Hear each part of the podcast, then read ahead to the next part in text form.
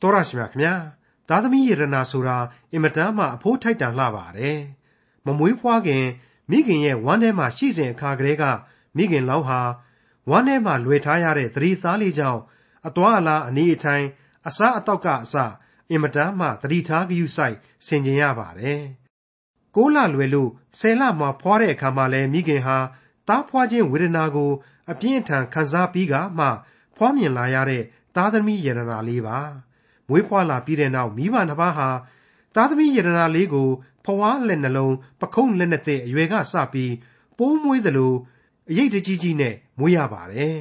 အရွယ်ရောက်ကြီးပြင်းလာတဲ့အထိလူလားမြောက်အောင်ချစ်ချစ်ခင်ခင်ကျင်ကျင်နာနာယူယူရရနဲ့ကြွေးမွေးပြုစုစောင့်ရှောက်ရပါတယ်သားသမီးယရနာလေးရဲ့မျက်နာကိုကြည့်လိုက်တာနဲ့မိဘနှစ်ပါးကြည်နူးရပါတယ်သားတို့ရုပ်ရည်သီရာမြည်သားရေကြီးချမ်းမြတပေါက်ကြက မိဘတို့ဝမ်းငိမ့်စရန်လို့ဆိုတယ်မဟုတ်ပါလားဒီသားသမီးယရနာလေးတွေအနေနဲ့မိဘစကားကိုဘယ်လောက်နားထောင်သင့်တယ်ဆိုတဲ့အကြောင်းဖော်ပြထားတဲ့ခရိယန်တမန်ကျမ်းဓမ္မသစ်ကျမ်းပိုင်းတွေကအေဖက်ဩဝါဒစာအခန်းကြီး6အခန်းငယ်1ကနေအခန်းငယ်4အထိကိုဒီကနေ့သင်သိရသောတမန်ကျမ်းအစီအစဉ်မှာလေ့လာမှာဖြစ်ပါတယ်။သားသမီးဝတ္တရားသာမကမိဘတို့ရဲ့ဝတ္တရားကိုလည်းဖော်ပြထားတဲ့အေဖက်ဩဝါဒစာ အခန်းကြီး6အခန်းငယ်1ကနေအခန်းငယ်4အထိကိုဒေါက်တာထွန်းမြတ်အေးကအခုလိုရှင်းလင်းဖော်ပြမှာဖြစ်ပါတယ်။မိတ်ဆွေတော်တတ်ရှင်အပေါင်းတို့အဖို့အေဖက်ဩဝါဒစာဟာအခန်းကြီး6ကိုရောက်ရှိလာပါပြီ။ဒီအခန်းကြီးကတော့ခရစ်တော်ဤစစ်သူရဲကောင်းဖြစ်သောအသင်းတော်ရဲ့အကြောင်းကိုကျွန်တော်တို့ကိုဖွင့်ပြသွားမှာဖြစ်ပါတယ်။ပြီးခဲ့တဲ့အခန်းမှာတုန်းကဆိုရင်အသင်းတော်ကိုသူတို့သမီးကညာနဲ့နှိုင်းယှဉ်ပြီးတော့စဉ်းစားခဲ့ကြတယ်။လောကလူသားတို့ရဲ့ဂရာဝါသကိစ္စများမြောင်လူတို့ဘောင်းမှာ အရေးအကြီးဆုံးသောအိမ်တောင်ရှင်တို့ရဲ့ကျင့်စဉ်များအကြောင်းကိုအတော်ကြီးအကျယ်တဝင့်အလေးအနက်ထားဖော်ပြသွားခဲ့တယ်ဆိုတာကိုကျွန်တော်တို့ကြားနာခဲ့ကြပြီးပါပြီ။ဒီတော့ဒီအေဖက်ဩဝါဒစာရဲ့အခန်းကြီး9အခန်းကြီး6တွေနဲ့ပတ်သက်ပြီးတော့တချို့ဓမ္မဆရာတွေကမှတ်မှတ်ရရဖြစ်ရအောင်လို့ဆိုပြီးတော့အိမ်တောင်ပြုတ်ပြီးရင်လင်မယားတွေစပြီးတော့ရံဖြစ်တတ်ကြတယ်။ဒါကြောင့်မို့လို့စောစောကအချစ်အခုကျတော့စစ်သားဘဝဖြစ်ဖို့လိုတဲ့အကြောင်းအေဖက်ကဖွင့်ပြလိုက်တယ်ဆိုပြီးတော့နောက်ကျပြောင်ရပါတယ်။ မိတ်ဆွေအပေါင်းတို့ခမညာအသင်းတော်ဟာအနာဂတ်ကာလမှာခရစ်တော်ရဲ့သိမ်းဆည်းခြင်းကိုခံရမဲ့သူတို့သမီးကညာအဖြစ်တန်ရှင်းစင်ကြယ်မှုရှိပါစေဆိုတဲ့သဘောနဲ့လူဘဝဖိုနဲ့မတို့အကြောင်းကိုအခန်းကြီး9ဟာအဓိကထားပြီးတော့တင်ပြခဲ့တယ်လို့ပြစ္ဆက်ခလူဘဝမှာလူသားအဖွဲ့အစည်းအတွက်စုံစမ်းနှောက်ယှက်ခြင်းတွေဖျားသခင်နဲ့ဝေးကွာရာဝေးကွာကြောင်းဖြစ်စေနဲ့လောကအစွဲအလန်းတွေနောက်ကိုကောက်ကောက်ပါအောင်လိုက်မသွားကြဖို့ရန်အတွက် ဘယ်လိုတိုက်ပွဲဝင်ကြရမယ်ဆိုတာကိုဒီကနေ့အခန်းကြီး6ဟာတင်ပြသွားမှာဖြစ်ပါတယ်ကျွန်တော်ဟာအေဖက်အသင်းတော်အကြောင်းကိုဏ္ဍန်ပြိုးကြတဲ့ကစံပြအသင်းတော်အဖြစ်ဖွင့်ဆိုခဲ့ပါတယ်တစ်ချိန်တည်းမှာပတ်ဝန်းကျင်ရေကန်မြေကန်အခြေအနေကိုဆန်းစစ်လိုက်မယ်ဆိုရင်တော့အာရှိလို့ခေါ်တဲ့အာရှတိုက်ရဲ့ရှေးခေတ်ဝင်ပေါက်တစ်ပေါက်ဖြစ်တဲ့အေဖက်ဟာကောရိန္သုပင်လယ်ကမ်းခြေမြို့ကြီးနဲ့တော့အသွေးအသားဆွဲဆောင်မှုတွေရှိတဲ့နေရာမှာနင်လားငါလားအပြိုင်အဆိုင်ပဲဖြစ်ခဲ့တယ်ဆိုတာကိုပါဖော်ပြခဲ့ပါတယ်ဟုတ်ပါတယ် အဲ့ဒီမြို့တော်ကြီးစီမှာဒီကနေ့တည်းထိကပ္ပအံ့ပွယ်ခုနှစ်သွဲမှာတခုအပါအဝင်ဖြစ်တဲ့ဒိုင်ယနာဆိုတဲ့နတ်ဗိမှန်ကြီးရှိတယ်အဲ့ဒီဒိုင်ယနာနတ်ဗိမှန်ကြီးဟာသားစုပန်တဲ့နတ်ဗိမှန်ကြီးတဲ့တနည်းအားဖြင့်ကတော့အညီအဟောက်အစွဲအလန့်တွေရှိတဲ့နတ်ကုန်းကြီးပဲပေါ့အရှိတိုင်းယဉ်ကျေးမှုတွေအများကြီးဆက်နွယ်မှုရှိတယ်ဒိုင်နာဟာလည်းတစ်ထွင်းနတ်ဖျားမရဲ့အေယာမရုပ်ထုကြီးဖြစ်တယ်ဆိုတာကိုကျွန်တော်တို့ကြားဘူးပါတယ် တနည်းအားဖြင့်ကတော့အဲ့ဒီလောက်အထိနတ်ရိတ်ဩဇာလွှမ်းမိုးနေတဲ့အရက်ကဘုရားသခင်အသင်းတော်ဆရာဟာဘယ်နည်းနဲ့မှပတ်ဝန်းကျင်ကိုအလွယ်အလွယ်အလျှော့ပေးလို့တော့မရနိုင်ဘူးဆိုတာကိုထင်ထင်ရှားကျွန်တော်တို့တွက်ဆနိုင်ပါတယ်အဲ့ဒီတော့အေဖက်အသင်းတော်ရဲ့အခြေအနေဟာဒီကနေ့ကျွန်တော်တို့ကပ္ပအသင်းတော်တွေနဲ့လေရှင်တွဲပြီးစဉ်းစားတိုက်တယ်ကျွန်တော်တို့ခေတ်သစ်ရဲ့အသင်းတော်တွေဟာလေပြောတော့တာခရိယန်တွေအများစုရဲ့ကဘာကြီးဆိုပြီးတော့ပြောရတယ်ဖျားသခင်မကြိုက်မနှစ်သက်တဲ့လောကစုံစမ်းနှောက်ယှက်ခြင်းများများစွာတို့ရဲ့အလဲမှာ ယက်တည်နေရတယ်ရှိနေရတယ်ဆိုတာကိုကျွန်တော်တို့တွက်ဆနိုင်ပါတယ်ခရိယန်လို့ဆိုင်းပုတ်ထောင်ထားတဲ့အောက်မှာပဲပျက်စီးခြင်းမကပျက်စီးပြီးတော့ခရစ်တော်ရဲ့နာမတော်ကိုအသရေရုပ်လျော့အောင်လုပ်နေကြတဲ့အရာတွေအလုံးဟာလည်းပဲအဲ့ဒီရန်သူတွေထဲမှာမလွှဲမရှောင်သာအောင်စည်ရင်သွင်းရမှာအသေးချပါပဲမိ쇠အပေါင်းတို့ခမညာအခုအခန်းကြီး6ဟာခရစ်တော်ရဲ့စစ်တီတော်များဖြစ်ရခြင်းကိုဖော်ပြမယ်ဆိုပေမဲ့စစချင်းတော့ကလေးတွေမိဘတွေအစေခံကျွန်တွေနဲ့သခင်တွေအကြောင်းကိုတွေ့ရမှာဖြစ်ပါတယ်ဒီတော့ မင်းရဲ့စစ်တီတော်ဖြစ်ခြင်းနဲ့ဒါတွေနဲ့ဘာဆိုင်တယ်လဲကွာဆိုပြီးတော့မေးစရာရှိလာပါတယ်သေသေးချေရစဉ်းစားကြည့်ပါစစ်တီတော်ဆိုတာဟာမွေးကလေးကစစ်တီတော်ဖြစ်လာတာမဟုတ်ဘူးသူသူဟာသူ့ရဲ့အဆောင်အယောင်တွေကိုချွတ်ကြည့်လိုက်ရင်လူတွေကလူပဲမဟုတ်ဘူးလားလူပောင်လောကရဲ့အဖေအမေစီမှာသားသမီးအဖြစ်အရင်လူဖြစ်ချင်းကသာဘဝကိုအစပြောရတာကြီးပဲဖြစ်ပါတယ်အခုဆိုရင်အဲ့ဒီလိုအခြေအနေမခိုင်တဲ့ကလေးဘဝကတက်လာတဲ့လူငယ်တွေ ဖျားသခင်ရဲ့အလိုတော်နဲ့မညီညွတ်တဲ့အိမ်တောင်ကနေပေါက်ဖွာလာတဲ့ကလေးတွေအတွက်ကြောင့်ကမ္ဘာလူအဖွဲ့အစည်းကြီးအတွင်းမှာဆိုရင်အတော်ကြီးပြဿနာတွေပွားများလာနေတယ်လို့လူမှုရေးသိပ္ပံပညာရှင်တွေကသုံးသပ်ကြပါတယ်။တစ်ချိန်ကအင်မတန်ဂုဏ်ရှိခဲ့တဲ့အမေရိကန်ရေတပ်မတော်မှာဆိုရင်သင်္ဘောကြီးတွေလက်နက်ကရိယာကြီးတွေကအကြီးအကျယ်တိုးတက်လာတာမှန်တယ်။ဒါပေမဲ့ရေတပ်မတော်သားတွေအကျင့်စရိတ်တဘိုင်းမှာကျတော့အကြီးအကျယ်ဆုပ်ယုပ်ညံ့ဖျင်းလာတယ်ဆိုပြီးတော့အစီရင်ခံစာတွေမှာကျွန်တော်တို့ဖတ်ရပါတယ်။ မဂ္ဂဇင်းသတင်းစာတွေဂျာနယ်တွေအမျိုးမျိုးမှာလည်းကျွန်တော်တို့လေ့လာသုံးသပ်ရပါတယ်။အင်မတန်ရုပ်ရုပ်ညံ့ညံ့ဖြစ်တဲ့အမှုတွေကိုဒီအမေရိကန်ရေတပ်မတော်သားတွေဟာကျူးလွန်နေကြတယ်ဆိုပြီးတော့စာပေတွေမှာကျွန်တော်တို့တွေ့ရပါတယ်ဒီအကြောင်းတွေကိုရှင်တွဲစဉ်းစားလိုက်တော့အခန်းကြီး9ကလူသားတို့ရဲ့အိမ်တောင်ရေးသင်ခန်းစာများနဲ့ဒီကနေ့စစ်တီတော်ဖြစ်ရမည်အသင်းတော်သည်အခြေခံကောင်းမှုလိုသည်ဆိုတဲ့သစ္စာတရားသင်ခန်းစာများဟာအလိုလိုဒွန်တွဲဆက်ဆက်လာတယ်လို့ကျွန်တော်တို့ခံယူနိုင်ကြပါလိမ့်မယ် မိษွေတို့မှတ်မိကြမလားတော့မသိဘူးခရစ်ဝင်ကျမ်းတွေမှာဆိုရင်ခရစ်တော်ဟာလင်မယားတို့ကွာရှင်းပြတ်ဆဲခြင်းနဲ့ပတ်သက်တဲ့ဩဝါဒစကားတွေကိုမိမ့်မွက်ပြီးတော့မကြခင်မှာပဲကလေးသူငယ်တို့ကိုခေါ်ယူပြီးတော့လက်တော်ကိုတင်လျက်ကောင်းကြီးပေးတယ်ကလေးတွေနဲ့ပတ်သက်ပြီးတော့အဆုံးအမပြုတယ်ဆိုတာဒီကိုဖော်ပြခဲ့ပါတယ်ဒါဟာအိမ်တောင်ရေးမှာကလေးသူငယ်ကလေးတွေရဲ့အရေးကိုထဲ့သွင်းမစင်စားကြတော့ဘူးလားဆိုတာကိုမိကွန်းထုတ်လိုက်တဲ့အတူတူပါပဲလင်မယားပြဿနာတွေဟာကို့ပြဿနာကြီးပဲမဟုတ်ဘူး ကို့ရင်သွေးကလေးတွေရဲ့ပြဿနာပါဖြစ်တယ်ဆိုတာကိုခရစ်တော်ဟာတမင်သိစေခြင်းလို့ခရစ်ဝင်ကျမ်းនេះမှာဒီလိုဖော်ပြလိုက်တာပါပဲစစ်တီတော်ဤပုံစံဘဝအခြေခံအကြောင်းများဆိုတဲ့ခေါင်းစဉ်နဲ့အေဖက်ဩဝါဒစာအခန်းကြီး6အငယ်1ကိုစတင်နားဆင်ကြည့်ကြပါသားသမီးတို့သခင်ဖျားဤအလိုတော်နှင့်အညီမိဘစကားကိုနားထောင်ကြလော့မိဘစကားကိုနားထောင်ခြင်းအမှုသည်တရားသောအမှုဖြစ်၏ ဘဝတိုက်ပွဲကိုဝင်ရမယ့်လူတိုင်းဟာအမိန့်ကိုနာခံကြရလိမ့်မယ်နာခံတတ်ရလိမ့်မယ်အဲ့ဒါကြောင့်မလို့ကလေးသူငယ်တို့ကိုတမန်တော်ကြီးကတိုက်တွန်းလိုက်တာကတော့အင်မတန်သိမ်မွေ့နူးညံ့တဲ့အသံနဲ့ယူရစွာတိုက်တွန်းခြင်းပါပဲကလေးတို့ရေသို့မဟုတ်သားသမီးအပေါင်းတို့ရေတဲ့ဖျားသခင်ဟာမင်းတို့ကိုမိဘရဲ့စကားများကိုနားထောင်စေခြင်းပါတယ်တဲ့စစ်တပ်မှာဆိုရင်အဲ့ဒီလိုအမိန့်ကိုတသွေမတိန်လိုက်နာရတဲ့အစဉ်အလာနဲ့တပ်မတော်ရဲ့သိက္ခာဂုံပုတ်ကိုထိန်းရပါတယ် စစ်သားကလေးတယောက်အဖြစ်လက်နဲ့မဲ့စီရေးပြလက်ကျင့်ရင်းနဲ့အမိန့်ကိုနာခံရတယ်ပြီးတဲ့နောက်လက်နဲ့ကင်ပြီးတော့အမိန့်ကိုနာခံရတယ်အဲ့ဒီနောက်မှာတော့သူနဲ့သင့်လျော်တဲ့အဆောင်အယောင်ကလေးတွေကိုစတင်ပြီးဆင်မြန်းရပါတယ်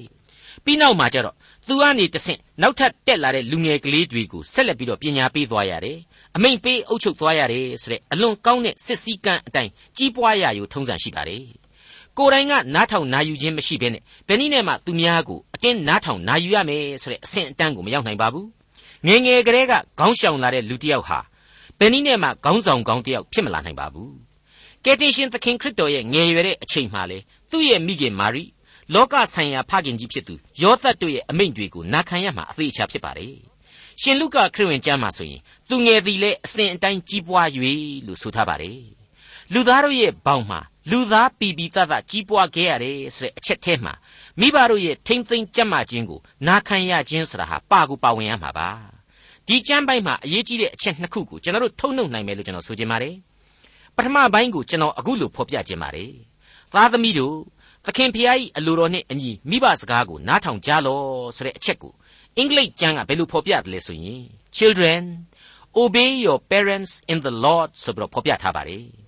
အေဖက်ဩဝါဒစာအခန်းကြီး9မှာတုန်းကဆိုရင်ယောက်ျား၏အုပ်ဆိုးခြင်းကိုဝန်ခံစေဆိုတာတဲ့ပို့ပြီးတော့ပြင်းထန်တဲ့နားထောင်ခြင်းနာယူခြင်းလိုက်လျှောက်ရခြင်းဆိုတဲ့သဘောမျိုးသက်ရောက်ပါတယ်အစေအပါကျွန်းဟာသူ့ရဲ့သခင်ရဲ့စကားကိုနားထောင်ရတဲ့အဆင့်မျိုးအထိကျွန်တော်တို့နှွယ်ယူလို့ရပါတယ်ဒါပေမဲ့ဘောင်အကန့်အသတ်တစ်ခုပါဝင်လာတယ်ဆိုတာကိုကျွန်တော်တို့မေ့ထားလို့မရပါဘူးအဲ့ဒါကတော့ in the lord ဆိုတဲ့အချက်ပါပဲ ဒါဟာကလေးတွေဟာမိဘတို့ရဲ့စကားကိုဖျားသခင်ရဲ့အလိုတော်နဲ့အညီနားထောင်ရမယ်ဆိုတာဖြစ်တယ်လို့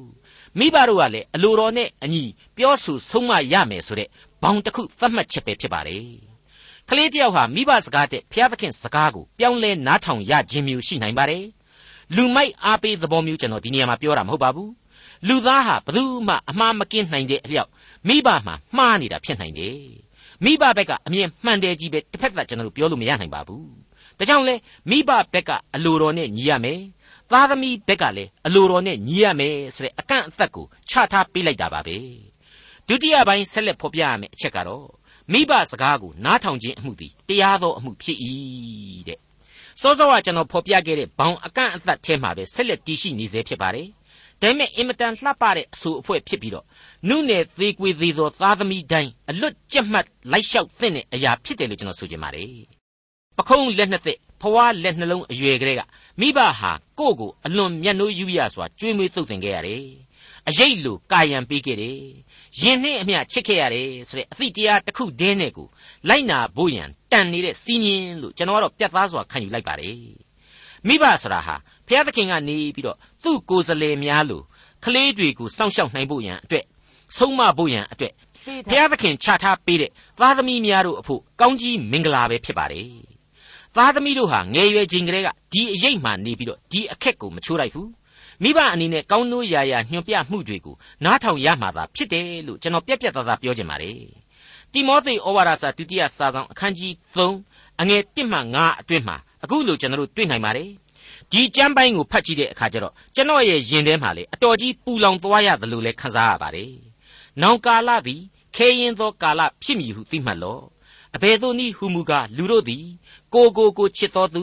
ငွေကိုတတ်မဲ့တော်သူဝါကြွားတော်သူထောင်လွှားစော်ကားတော်သူမိဘစကားကိုနားမထောင်တော်သူကျေးဇူးမရှိတော်သူတန်ရှင်းခြင်းမရှိတော်သူပဂရိကျင်နာဆုံမဲ့ခြင်းနှင့်ကင်းတော်သူကိုအိန္ဒြေကိုမချုပ်တီးနိုင်တော်သူပြင်းထန်သောသူသူတော်ကောင်းကိုမုံတော်သူသစ္စာကိုဖျက်တတ်သောသူသတိပေးခြင်းကိုမခံသောသူမာမာနနှင့်ယစ်မှုသောသူဖျားသခင်ကိုနှစ်သက်တည်တဲ့ကာမဂုဏ်ခံစားခြင်းကိုသာ၍နှစ်သက်သောသူ ဖျားဝတ်၌မွေးလျော်ရောင်ဆောင်၍မွေးလျော်ခြင်းတကူကိုညင်းပယ်သောသူဖြစ်ကြလိမ့်မည်ထိုသူတို့ကိုရှောင်လော့တဲ့မိတ်ဆွေအပေါင်းတို့ခမညာအခုအချိန်ကာလဟာအဲ့ဒီလိုတိမောသေဩဝါဒစာကဖော်ပြတဲ့အချိန်ကာလပဲဖြစ်နေပြီလားလို့မသင်္ကာစရာကောင်းလှပါတယ်တွေးတောခြင်းစရာကောင်းလှပါတယ်လူရဲ့အပြစ်စာတိပဂရိသမိုင်းဟာအမြဲတစေရိုင်းခဲ့တယ်လို့ဆိုပေမဲ့အဲ့ဒီအရိုင်းစံချိန်တိုင်းထွာတဲ့ကိရိယာနဲ့တွက်ဆကြည့်မယ်ဆိုရင်တော့ ဒီကနေ့အခြေအနေဟာသိပ်ပြီးတော့ဆိုးရွားတယ်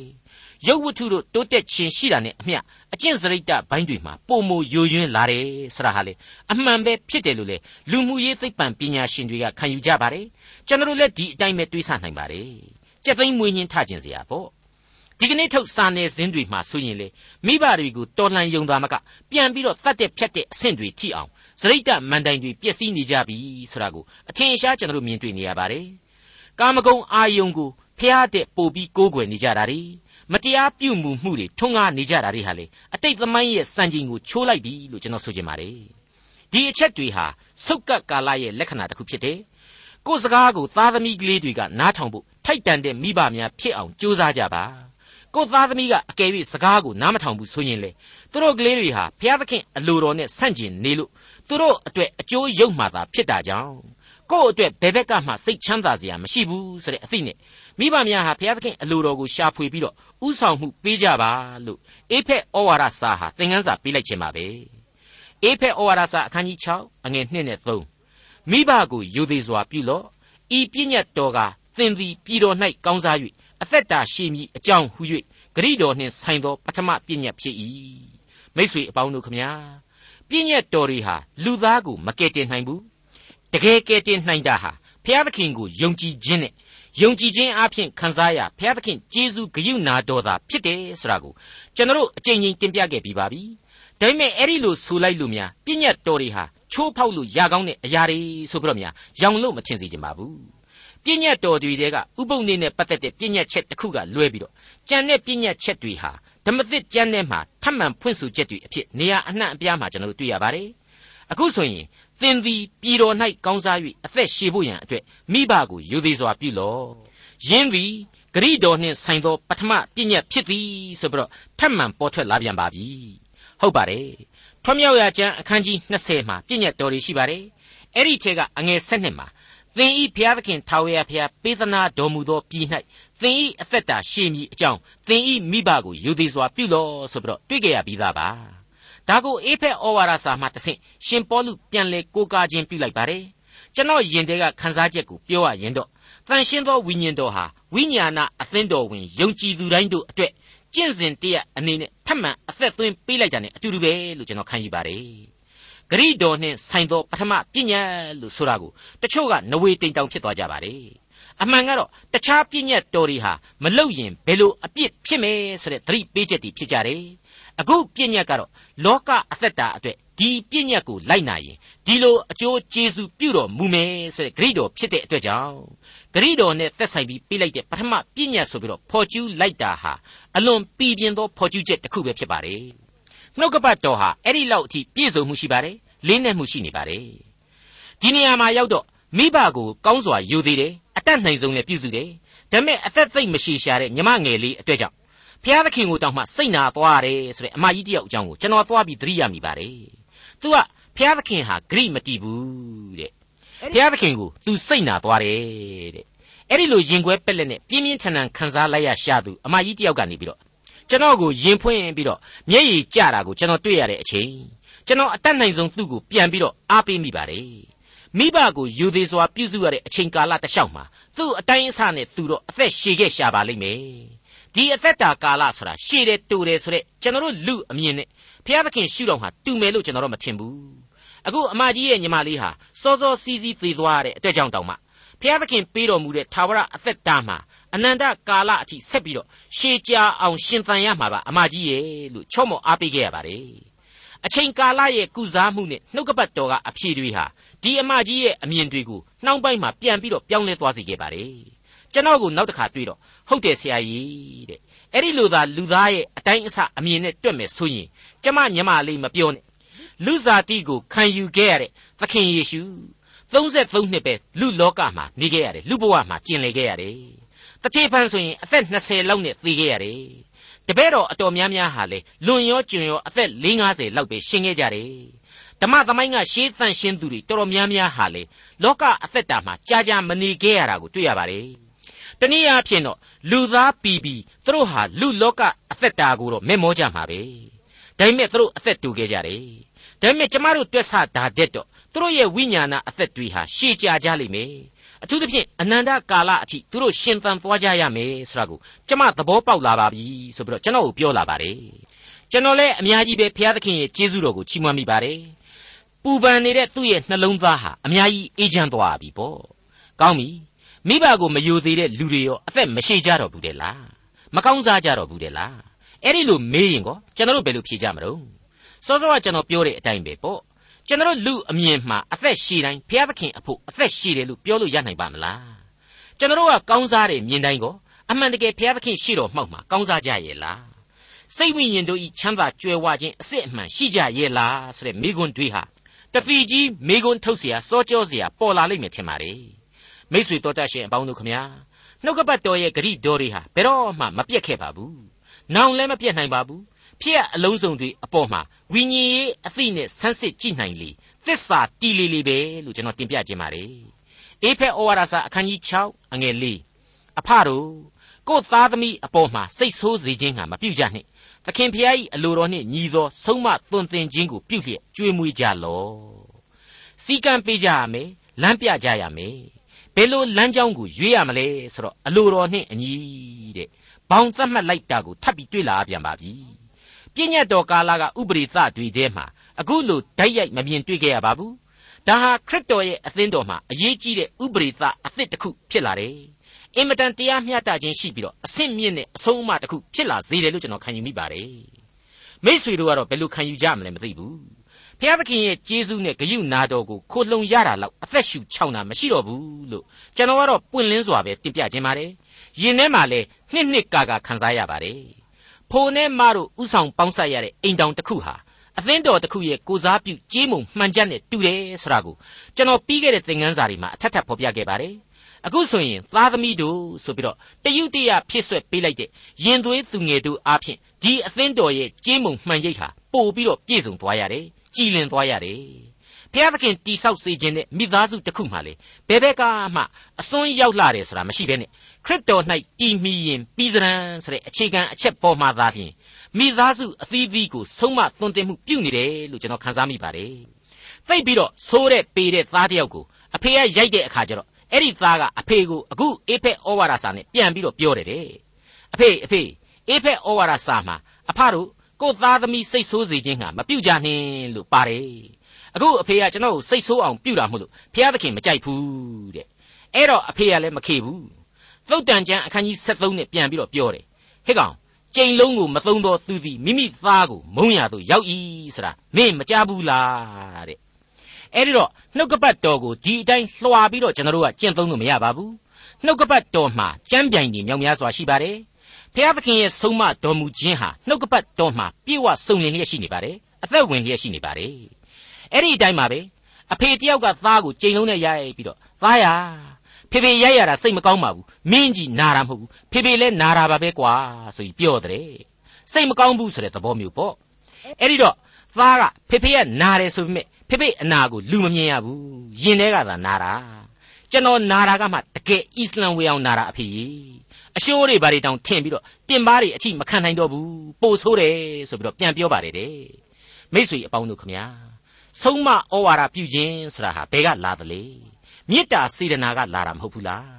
မေတ္တာစေတနာနဲ့ကောင်းရာကောင်းကျိုးပဲ့ပြင်ဆုံးမရမှာမူသေးပုံစံမရှိဘူးလို့ကျွန်တော်ဆိုချင်ပါတယ်ကျွန်တော်အသက်တာမှာပြန်ပြီးတော့စဉ်းစားကြည့်လေနေပူထဲမှာအကြာကြီးထွက်ရက်နေမယ်ဆိုရင်ဘာဖြစ်မလဲအပူဒဏ်ကိုခံရမှာပေါ့ နှင်းတော်ထဲမှာအင်ကြီးကြီးချွတ်ပြီးထွက်ထိုင်နေရင်ကောရင်ပတ်အေးပတ်မှာပဲမဟုတ်ဘူးလားဒါဟာသဘာဝတရားကနေတောက်မှပြန်ပြီးတော့ကိုယ့်ကိုအပြစ်ပေးတဲ့သဘောဆုံးမတဲ့သဘောပဲနှုတ်ကပတ်တော်ရဲ့ဓမ္မဟောင်းဓမ္မသစ်ကျမ်းတွေထဲမှာလူသားဟာကိုယ်အပြစ်ကျူးလွန်ရင်တော့ကျူးလွန်တဲ့အတိုင်းပေးဆက်ရတယ်ဆိုတာကိုကျွန်တော်သင်ခန်းစာတွေအမြောက်အများရရှိခဲ့ရပြီးပါပြီအလွဲမယူကြနှင့်ဖျားသခင်သည်မထီမဲ့မြင်ပြုခြင်းကိုခံတော်မမူလူသည်မျိုးစေ့ကျဲသည့်အတိုင်းအသီးအနှံကိုရိပ်ရလိမ့်မည်ဆိုပြီးတော့ ဂလာတိဩဝါဒစာမှာလည်းကျွန်တော်အထင်ရှားတွေ့ခဲ့ရပြီးသားပါမိษွေတော်တတ်ရှင်အပေါင်းတို့ခမညာသားသမီးကလေးတွေကိုတကြောင်မလို့ကို့အလိုနဲ့ကြီးပဲမဟုတ်ဖ ೇನೆ ဖျားသခင်ရဲ့အလိုတော်နဲ့အညီဆုံးမကြပါအချိန်ရှိကြိုက်မှာပဲ့ပြင်ပေးကြပါအထူးသဖြင့်ဖျားသခင်ရဲ့အိမ်တော်ကိုပို့ဆောင်ပေးကြပါလို့ကျွန်တော်တို့တိုက်တွန်းနှိုးဆော်အပ်ပါတယ်သုတ်တန်ကျမ်းအခန်းကြီး19အငယ်16မှာမျော်လင့်စရာရှိစဉ်အခါကို့သားကိုဆုံးမလော့သူ့ကိုအကျိုးနည်းအောင်သနာသောစိတ်မရှိစေနှင့်တဲ့ အဲ့ဒီလိုဆိုထားတဲ့အတွက်ကြောင့်ဆုံးမမှုပြုကိုပြုကြရပါလိမ့်မယ်ဒါဟာတနည်းအားဖြင့်ဘုရားသခင်ရဲ့အသင်းတော်ကိုတိဆောက်ခြင်းဘုရားသခင်ရဲ့အိမ်တော်ကိုပြုစုခြင်းပါပဲအဲ့ဒီလိုအိမ်တောင်တစ်ခုတွင် ပြုစုခြင်းဟာမိဘတို့ရဲ့ဖျားပေးတာဝန်ဖြစ်ပါတယ်ခံယူခြင်းဟာသားသမီးတို့ရဲ့ဘက်ကတာဝန်ဖြစ်ပါတယ်ဥကောင်းဖြစ်တဲ့ခရစ်တော်ထံမှာတလုံးတဝတည်းရှိတဲ့အဖွဲ့အစည်းတွင်မှာဒီကျင့်စဉ်တွေဟာအလွန်တပ်ပရမျှတတဲ့ကောင်းမွန်တဲ့ကျင့်စဉ်တွေဖြစ်ပါတယ် 129ခုမြောက်သောဆာလံအငယ်3မှ5ကိုတင်ပြရင်းနဲ့စဉ်းစားစရာတစ်ချက်ရှိလာပါတယ်ဖွားမြင်သောသားသမီးတို့သည်ထာဝရဘုရားဆုချ၍ပေးသနာတော်မူသောအမွေဥစ္စာဖြစ်ကြ၏အသက်ပြိုစဉ်ဖွားမြင်သောသားသမီးတို့သည်သူရဲ့လက်၌ရှိသောမြားကဲ့သို့ဖြစ်ကြ၏မိမိမြားတောင်ကိုသူတို့နှင့်ပြည့်စေသောသူသည်မင်္ဂလာရှိ၏သူတို့သည်ရှက်ကြောက်ခြင်းမရှိရန်သူတို့၏တကဝ၌စီတာကြလိမ့်မည်တဲ့ဘုရားသခင်ပေးသနာတော်မူသောအိမ်တောင်ဟာ ခရစ်တော်နဲ့အသင်းတော်ရဲ့မေတ္တာတော်ကိုဖော်ပြရာအရက်ဖြစ်ရလိမ့်မယ်ဒီအိမ်တောင်ကပေါက်ဖွားသူသားသမီးအပေါင်းတို့ဟာအသင်းတော်ကိုကာကွယ်စောင့်ရှောက်ပေးသောအသင်းတော်ရဲ့မဟာအင်အားစုသာဖြစ်တဲ့အကြောင်းလေးစားစွာတင်ပြပါရစေသားသမီးတို့သခင်ဖျား၏အလိုတော်နှင့်အညီမိဘစကားကိုနားထောင်ကြလော့မိဘစကားကိုနားထောင်ခြင်းအမှုသည်တရားသောအမှုဖြစ်၏မိဘကိုယိုသေးစွာပြုလော့ဤပြည့်ညတ်တော်က သင်သည်ပြည်တော်၌ကောင်းစား၍အသက်တာရှည်မည်အကြောင်းဟု၍ဂရိတော်နှင့်ဆိုင်သောပထမပြည့်ညတ်ဖြစ်၏အဖတို့ကိုသားသမီးကိုစိတ်ဆိုးစေခြင်းဟာမပြုကြနှင့်သခင်ဖျား၏အလိုတော်နှင့်ညီသောဆုံးမသွန်သင်ခြင်းကိုပြုလျက်ကြွေးမွေးကြလော့ဆုတောင်းကြပါစို့ကောင်းငင်ဘုံ၌ရှိတော်မူ၏ကျွန်တော်တို့တူးစီတို့ကိုချစ်တော်မူသောယေရှုရှင်အဖမြတ်စွာဘုရားသခင်ကိုရောရှင်ပြုတော်မူသောကျေးဇူးတော်များတို့သည် ကျွန်တော်၏အသက်တာတွင်ရေတွက်၍မကုံနိုင်လောက်အောင်များပြားလှပါ၏ကိုရောရှင်တီစေလိုသောအသင်းတော်၏အကြောင်းကိုကျွန်တော်သည်အေဖက်ဩဝါဒစာသင်ခန်းစာများမှနေ၍သိနာလေရသောအခွင့်ကိုပေးသနာတော်မူသောကြောင့်လည်းကျေးဇူးတော်ကိုချီးမွမ်းပါ၏အိုအဖမဆောဖျားသခင်အထူးသဖြင့်ယနေ့ဤအချိန်နာရီတွင် ခရိယန်အိမ်တောင်တိုင်းတို့အတွက်ဆုတောင်းခြင်းပါ၏ကိုရောရှင်သနာတော်မူပါခရိယန်အိမ်တောင်တိုင်းတို့သည်ကိုရောရှင်ဤအသင်းတော်ဤ ပုံရိပ်လွှာများဖြစ်ကြောင်းကိုနားလေသဘောပေါက်၍မိဘတို့သည်သားသမီးများကိုကိုရောရှင်အလိုတော်နှင့်အညီဆုံးမနိုင်ဖို့ရန်အခွင့်နှင့်သားသမီးအပေါင်းတို့သည်လည်းမိဘတို့ဤဆိုဆုံးမခြင်းကိုအစဉ်နာယူနိုင်သောသူများဖြစ်နိုင်ဖို့အခွင့်ကိုပေးတော်မူပါဤနည်းအားဖြင့်ကောင်းကင်နိုင်ငံတော်အမွေကိုခံရသောသူများထာဝရအသက်လမ်းပေါ်ကိုရှောက်လှမ်းနိုင်သောသူများဖြစ်ဖို့ရန်ခရိယန်မိသားစုအိမ်တောင်တိုင်းတို့အပေါ်မှာတူးစီတို့ကိုကိုရရှင်ကောင်းကြီးမင်္ဂလာပေးတော်မူပါ သင်သိရသောတမန်ကျမ်းအစီအစဉ်များကိုနာတော်တာဆင်လျက်ရှိကြသောမိษွေတော်တာရှင်များသူတို့ဤမိသားစုများအားလုံးတို့အပေါ်မှာလေလူတို့ကြံစည်၍မမိနိုင်သောကောင်းကြီးမင်္ဂလာများနှင့်ပတ်ရတော်မူပါဤသင်ခန်းစာများတို့အားဖြင့်ကိုရရှင်ဤအသက်လမ်းအကြောင်းကိုနားလည်ဖို့အခွင့်ကိုရရှင်ချစ်ချင်းမေတ္တာကိုတည်မိနိုင်ဖို့အခွင့်နှင့်အဖဖျားသခင်အလိုတော်ကိုလိုက်လျှောက်နာယူတတ်သောသူများဖြစ်နိုင်ဖို့ရန်အစဉ်တစိုက်ပြုပြင်၍ပြီးတော်မူပါ နှုတ်ကပတ်တော်ဤခက်ခဲနေနေသောအပိုင်းပေါင်းမြောင်များစွာကိုကျွန်တော်ဖြတ်သန်းလာနိုင်ဖို့အခွင့်ကိုပေးတော်မူသောကြောင့်ကျေးဇူးတင်ပါ၏ဆက်လက်လေးလာမည့်သင်ခန်းစာတိုင်းတို့အပေါ်မှာလေကိုတော်ရှင်ကောင်းကြီးမင်္ဂလာပေးခြင်းအပြင်နားဆင်ရသောတောတရှင်တို့အတွက်ကိုတော်ရှင်သိစေလိုသောနှုတ်ကပတ်တော်ဤသင်ခန်းစာများကိုရယူနိုင်ဖို့အခွင့်ကိုပေးသနာတော်မူပါမိသားစုအိမ်တောင်တိုင်းတို့အပေါ်မှာကိုယ်ကာယနှင့်သက်ဆိုင်သောခွန်အားစိတ်ဝိညာဉ်နှင့်သက်ဆိုင်သောခွန်အားများကိုပြေဝစုံလင်စွာပေးသနာတော်မူပါ။ အိုဖမ်းမြတ်စွာဘုရားသခင်ကျွန်တော်ဤကမ္ဘာလောကပေါ်မှာလည်းညီသက်ချင်းအခွင့်ကိုပေးတော်မူပါ။ရုပ်ပိုင်းဆိုင်ရာတိုးတက်မှုများများစွာရှိသည်နှင့်အမျှ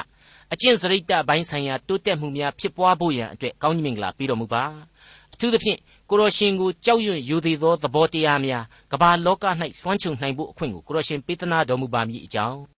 တပါးရီသောသားတော်ကယ်တင်ရှင်သခင်ခရစ်တော်၏မဟာနာမတော်မြတ်၌အလွန်ယိုသည်လေးမြတ်ခြင်းဖြင့်ဆုတောင်းအသနာခံဝန်ပါသည်ဖဖျား အာမင်ဒေါက်တာထွန်းမြတ်ရေးစီစဉ်တင်ဆက်တဲ့တင်ပြရသောတမချန်းအစီအစဉ်ဖြစ်ပါတယ်နောက်တစ်ချိန်အစီအစဉ်မှာခရိယန်တမချန်းဓမ္မသစ်ကျမ်းပိုင်းတွေကအေဖက်ဩဝါဒစာအခန်းကြီး6အခန်းငယ်9ကနေ